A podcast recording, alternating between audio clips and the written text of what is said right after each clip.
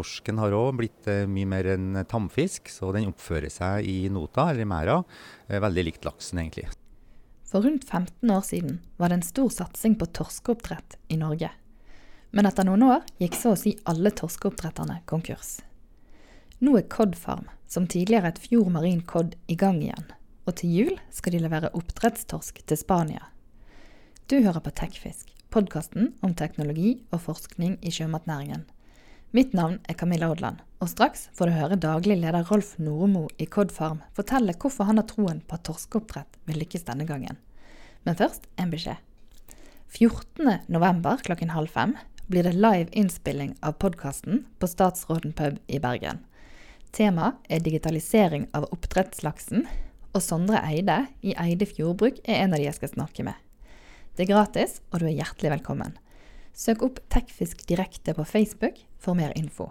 Og nå en kort melding fra vår annonsør. Bioretur tilbyr slamløsningen Fish Sludge Recovery System, som er utviklet fra landbaserte oppdrettsanlegg. De leverer også anlegg med biogassreaktor som produserer grønn energi av fiskeslammet på anlegget. Teknologien er godt utprøvd og utviklet i samarbeid med internasjonalt anerkjente aktører. Gå inn på nettsiden bioretur.no for å lese mer. Eh, dere fikk eh, levert 100 000 torskeyngel i fjor sommer. Eh, hvordan har det gått med de? Det har egentlig gått veldig bra. Den har klart seg godt i sjøen. Den har vokst godt, vokst veldig bra fram til mai-juni i år. Da hadde den lagt på seg fra den kom i juni året før fra 190 gram til rundt 2 kilo. Eh, men eh, da stagnerte det litt, fordi torsken er ikke så veldig glad i eh, varme og sommer. Og som alle vet, så ble det en veldig fin og varm sommer i år.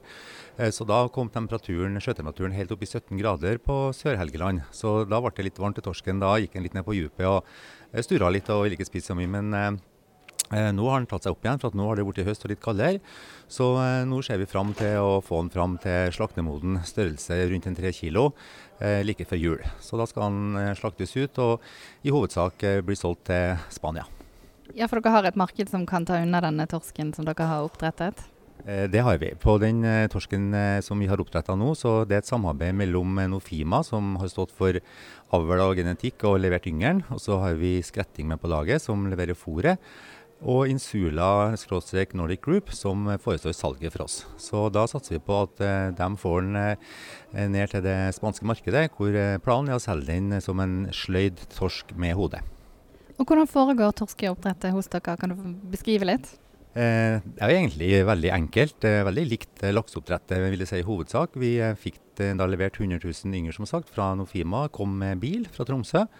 Eh, og ble satt ut eh, i en 90 eh, meters mær på Toft utafor Brønnøysund.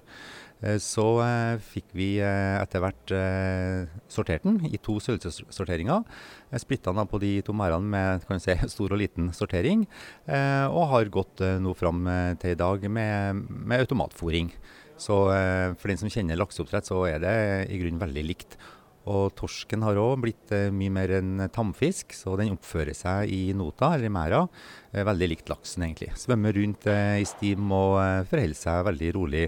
Går ikke løs på notveggen og prøver å komme seg ut, som oppdrettstorsken gjorde for 10-15 år siden da man holdt på sist. Ja, for da må vi ta det allerede nå, tror jeg. For man har jo prøvd seg på torskeoppdrett i Norge, og det ble ganske stort. Men så gikk det aldeles veldig galt og ble ingenting igjen. Hva skjedde da? Ja, det var en kombinasjon av eh, mange forskjellige faktorer. Eh, det var bl.a. Eh, mye kannibalisme. Altså det var en av de første generasjonene av oppdrettstorsk, så den var en villtorsk. Som jeg var inne på, så Den var vill og prøvde å komme seg ut, eh, så den klarte delvis det. og Spise unna eh, nøttene og rømme. Eh, så var det mye kannibalisme. De åt hverandre, og det er jo ikke noe gunstig hvis du har tenkt å produsere matfisk, at, at de spiser opp hverandre. Eh, så var det jo litt en sykdom i forbindelse med bl.a. vibriose. Det var ikke si, gode vaksiner utvikla.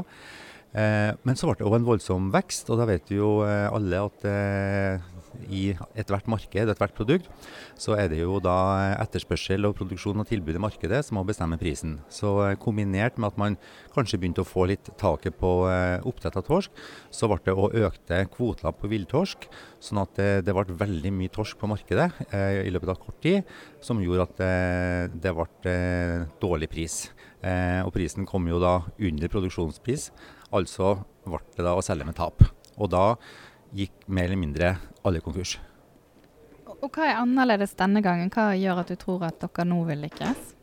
Eh, det som er veldig annerledes, det er for det første som jeg sa, at eh, nå er det en tamtorsk eh, man har med å gjøre. Den vi har, er som sagt fjerdegenerasjons oppdrettstorsk. Til neste år så vil Nofima kunne levere en femtegenerasjons oppdrettstorsk. Så den, den, har raskere tilvekst, bedre fôrutnyttelse. Eh, mindre kannibalisme. Den er ikke interessert i å rømme. Så Derfor eh, har jeg veldig trua på at det skal være fullt mulig å få til lønnsomhet i oppdrettet. Og da selvfølgelig kombinert med at man kan eh, ha et markedsapparat, og at man kan få til en produksjon som er mer tilpassa et marked, eh, som er villig til å betale en pris eh, godt over den man oppnådde sist man var i markedet med, med, veldig mye torsk. Så det handler jo veldig mye om det òg, at man får til å, å utvikle markedene som er villige til å betale det som den torsken faktisk er verdt. Og Det har vi jo fått mye tilbakemeldinger på. Eh, fra eh, oppkjøpere, restaurantbransje, supermarkedskjeder, at eh, kvaliteten på oppdrettstorsken er, veldig god. Bedre enn på villtorsken. Fordi at sant, Du kan planlegge slakting, du sulter før slakting, som gjør at du får en bedre filetkvalitet. Og håndtering i forbindelse med slakting som blir bedre enn på den villfanga torsken. Og ikke minst det at man kan utnytte og selge i markedet i de periodene hvor det ikke er noe særlig villtorsk som blir eh, tilbudt. Men da må man få til produksjonen akkurat sånn som man har planlagt den? Da må man få til produksjonen som man har planlagt det. Så det er klart det handler veldig mye om det, om eh, produksjonsplanlegging. Og ikke minst å, å få den satt ut og få den høsta fram til de tidspunktene på året hvor det er gunstig.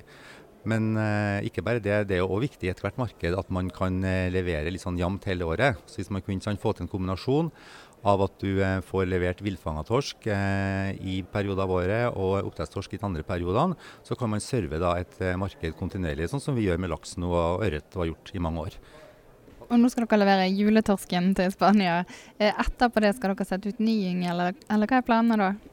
Det er et veldig godt spørsmål, og det er det spørsmålet vi stiller oss sjøl òg. Eh, vi er veldig interessert i det. Vi er veldig interessert i å gå videre, enten innenfor det konsortiet som vi er i nå, som jeg nevnte med, med Insula, Skretting og Nofima. Eh, eller om det blir andre aktører som blir med. Men eh, vi er veldig interessert i å kunne få oppskalert i forhold til de 100 000 som vi har hatt i produksjon nå. Eh, hvor mange ganger oppskalering det skal bli, om det blir 300 000, 500 000 million, det skal ikke jeg si. Men at man i hvert fall kan få til et større utsett, sånn at det er mulig å se eh, hvordan du òg kan få eh, fordelt eh, kostnadene rundt produksjonen på et langt antall, eh, større antall individ og, og, kilo. For det er klart at Med veldig lite antall utsatt, så, eh, så, blir det jo veldig høye kostnader til den lille produksjonen. Så Det jobber vi nå med, å få aktører med. og det er klart at man er jo er veldig avhengig av å få eh, kapital inn som kan gå inn og være med og investere. Og det kan vel bli en utfordring.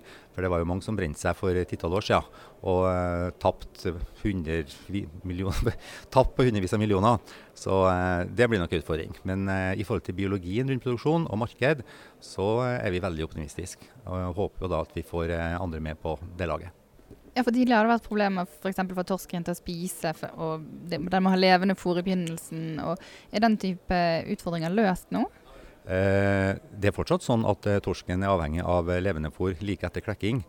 Eh, det er jo det som gjør laks og ørret så enkelt, at den eh, behøver jo ikke levende fôr. Går jo rett på tørrfôr og lever jo på en stor plommesekk en god stund etter klekking. Eh, sånn at eh, man må produsere levende fôr og ha det i en periode. Men det er en teknologi som eh, man behersker veldig godt i dag.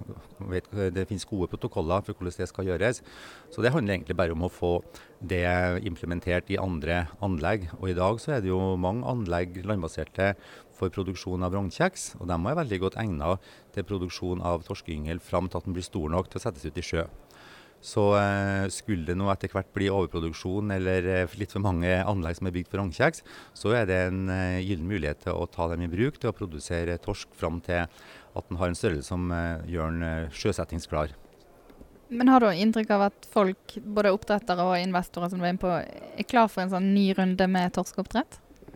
Eh, jeg tror at eh, når vi i vårt konsortium eh, og med Nofima og andre som nå holder på med torsk, får presentert og vist dem de mulighetene som er med dagens materiale på torsk, altså den genetikken som nå ligger i torsken, og hva som er mulig å få til for at det er et, et helt annet husdyr enn det var tidligere, med et helt annet vekstpotensial, så tror jeg at det skal være fullt mulig. Så er det spørsmålet om kanskje å staten gjennom sine insentivordninger kan eh, bidra med noe risikokapital for å få det i gang igjen. Så jeg er jo litt opptatt av at eh, vi har jo eh, lokaliteter som tidligere har vært godkjent for torsk. Eh, Det er masse torskekonsesjoner som fortsatt ligger der. Eh, At man klarer å ta dem i bruk nå da, før det blir eh, enten trukket tilbake eller blir annen anvendelse til det til andre arter. For eh, det er ingen tvil om at framover i Norge eh, så kommer det til å bli kamp om kystsonen. Det er det jo allerede, det ser vi jo på eh, laksen. Og så er det en liten sånn kjepphest som jeg har, og det at eh, for å kunne få til økt produksjon på fisk i Norge, så må vi se nærmere på regelverket i forhold til f.eks. å tillate to arter eh, på samme lokalitet. Som I dag kan du ikke ha torsk og laks på samme lokaliteten, men eh, jeg ser ikke som veterinær at det skulle være noen sånne store betenkeligheter med det. Så det må myndighetene gå litt gjennom og se på regelverket sitt på det området. For det er ikke sånn at torsken og laksen kan smitte hverandre hvis de da er i nærheten? Nei, det er ikke noen kjente problemstillinger der i dag i forhold til sykdomsoverføring fra en art til en annen. Men så vet vi ikke. Så naturen og biologien den er mangfoldig, og det har vi jo sett eksempler på før. At kanskje en art og enten en parasitt eh, da blir satt sammen med en annen vert, så kan den tilpasse seg. Så eh, det skal ikke jeg gi noen garantier for.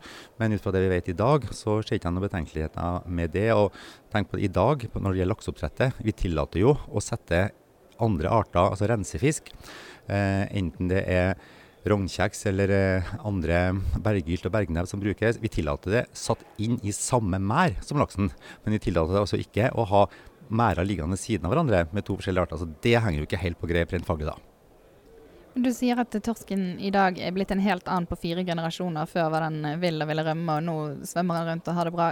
Hva har vært gjort for å få frem en helt annen type torsk som passer til oppdrett? Eh, Det som har vært gjort, er jo at eh, Nofima og for så vidt noen andre selskap som har jobba litt med avl. Eh, man har hatt torsk gående, og så ser man på hvilke individ er det som vokser fort.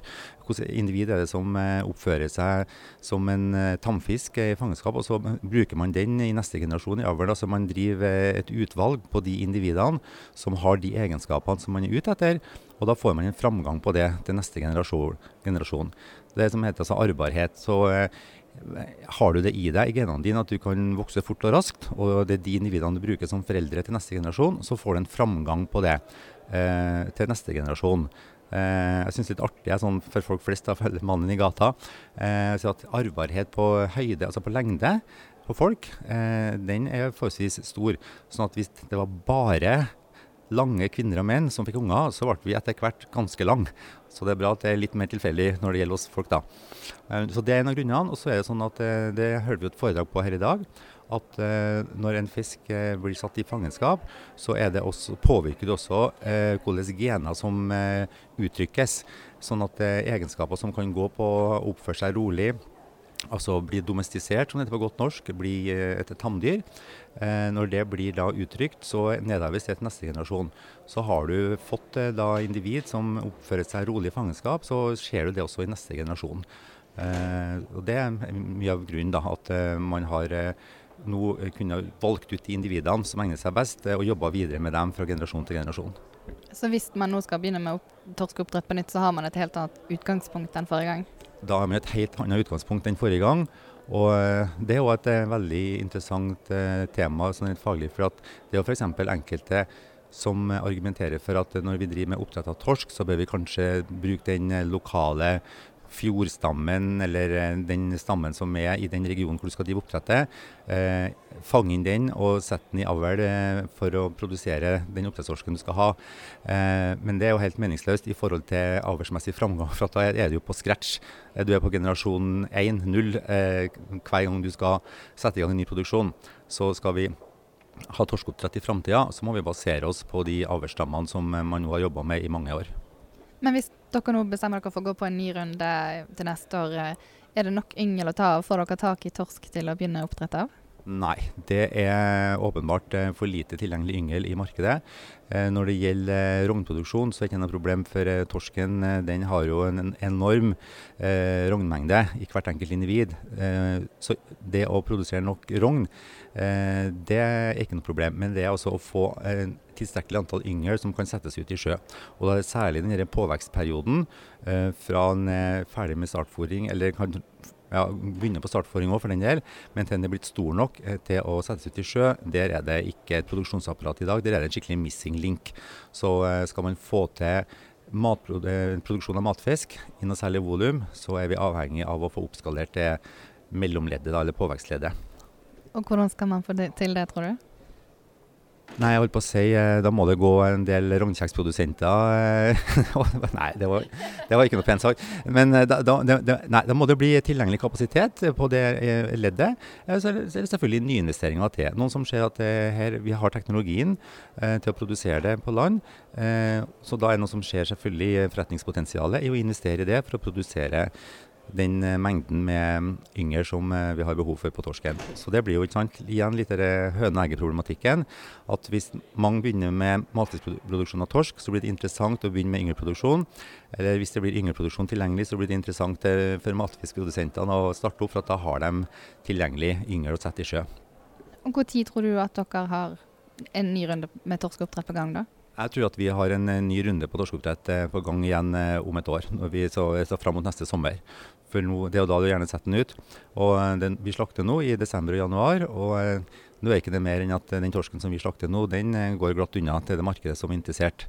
For vi skal jo ha den levert før det blir noe nytt tilsig fra kysten på villtorsken. Så da, når den er ferdig, så kan vi starte planlegginga fram mot nytt utsett, i, de, utsett, i dialog med de samarbeidspartnerne som vi har hatt i konsortiet, som jeg allerede har nevnt hvem er. Og hvor tror du torskeoppdrett står i Norge f.eks. om fem års tid? Eh, om en fem års tid, da tror jeg at eh, da har vi eh, fått på plass eh, det mellomleddet som i påvekstperioden skal produsere det antall yngel som skal settes ut. Og at vi eh, forhåpentligvis eh, har i hvert fall ti selskap som har en betydelig produksjon av torsk fram mot slakteklar fire-fem kilos torsk. Takk skal du ha. Bare hyggelig. Du har nå hørt på Tekfisk, podkasten om teknologi og forskning i sjømatnæringen. Sjekk gjerne ut nettsiden vår òg, tekfisk.no.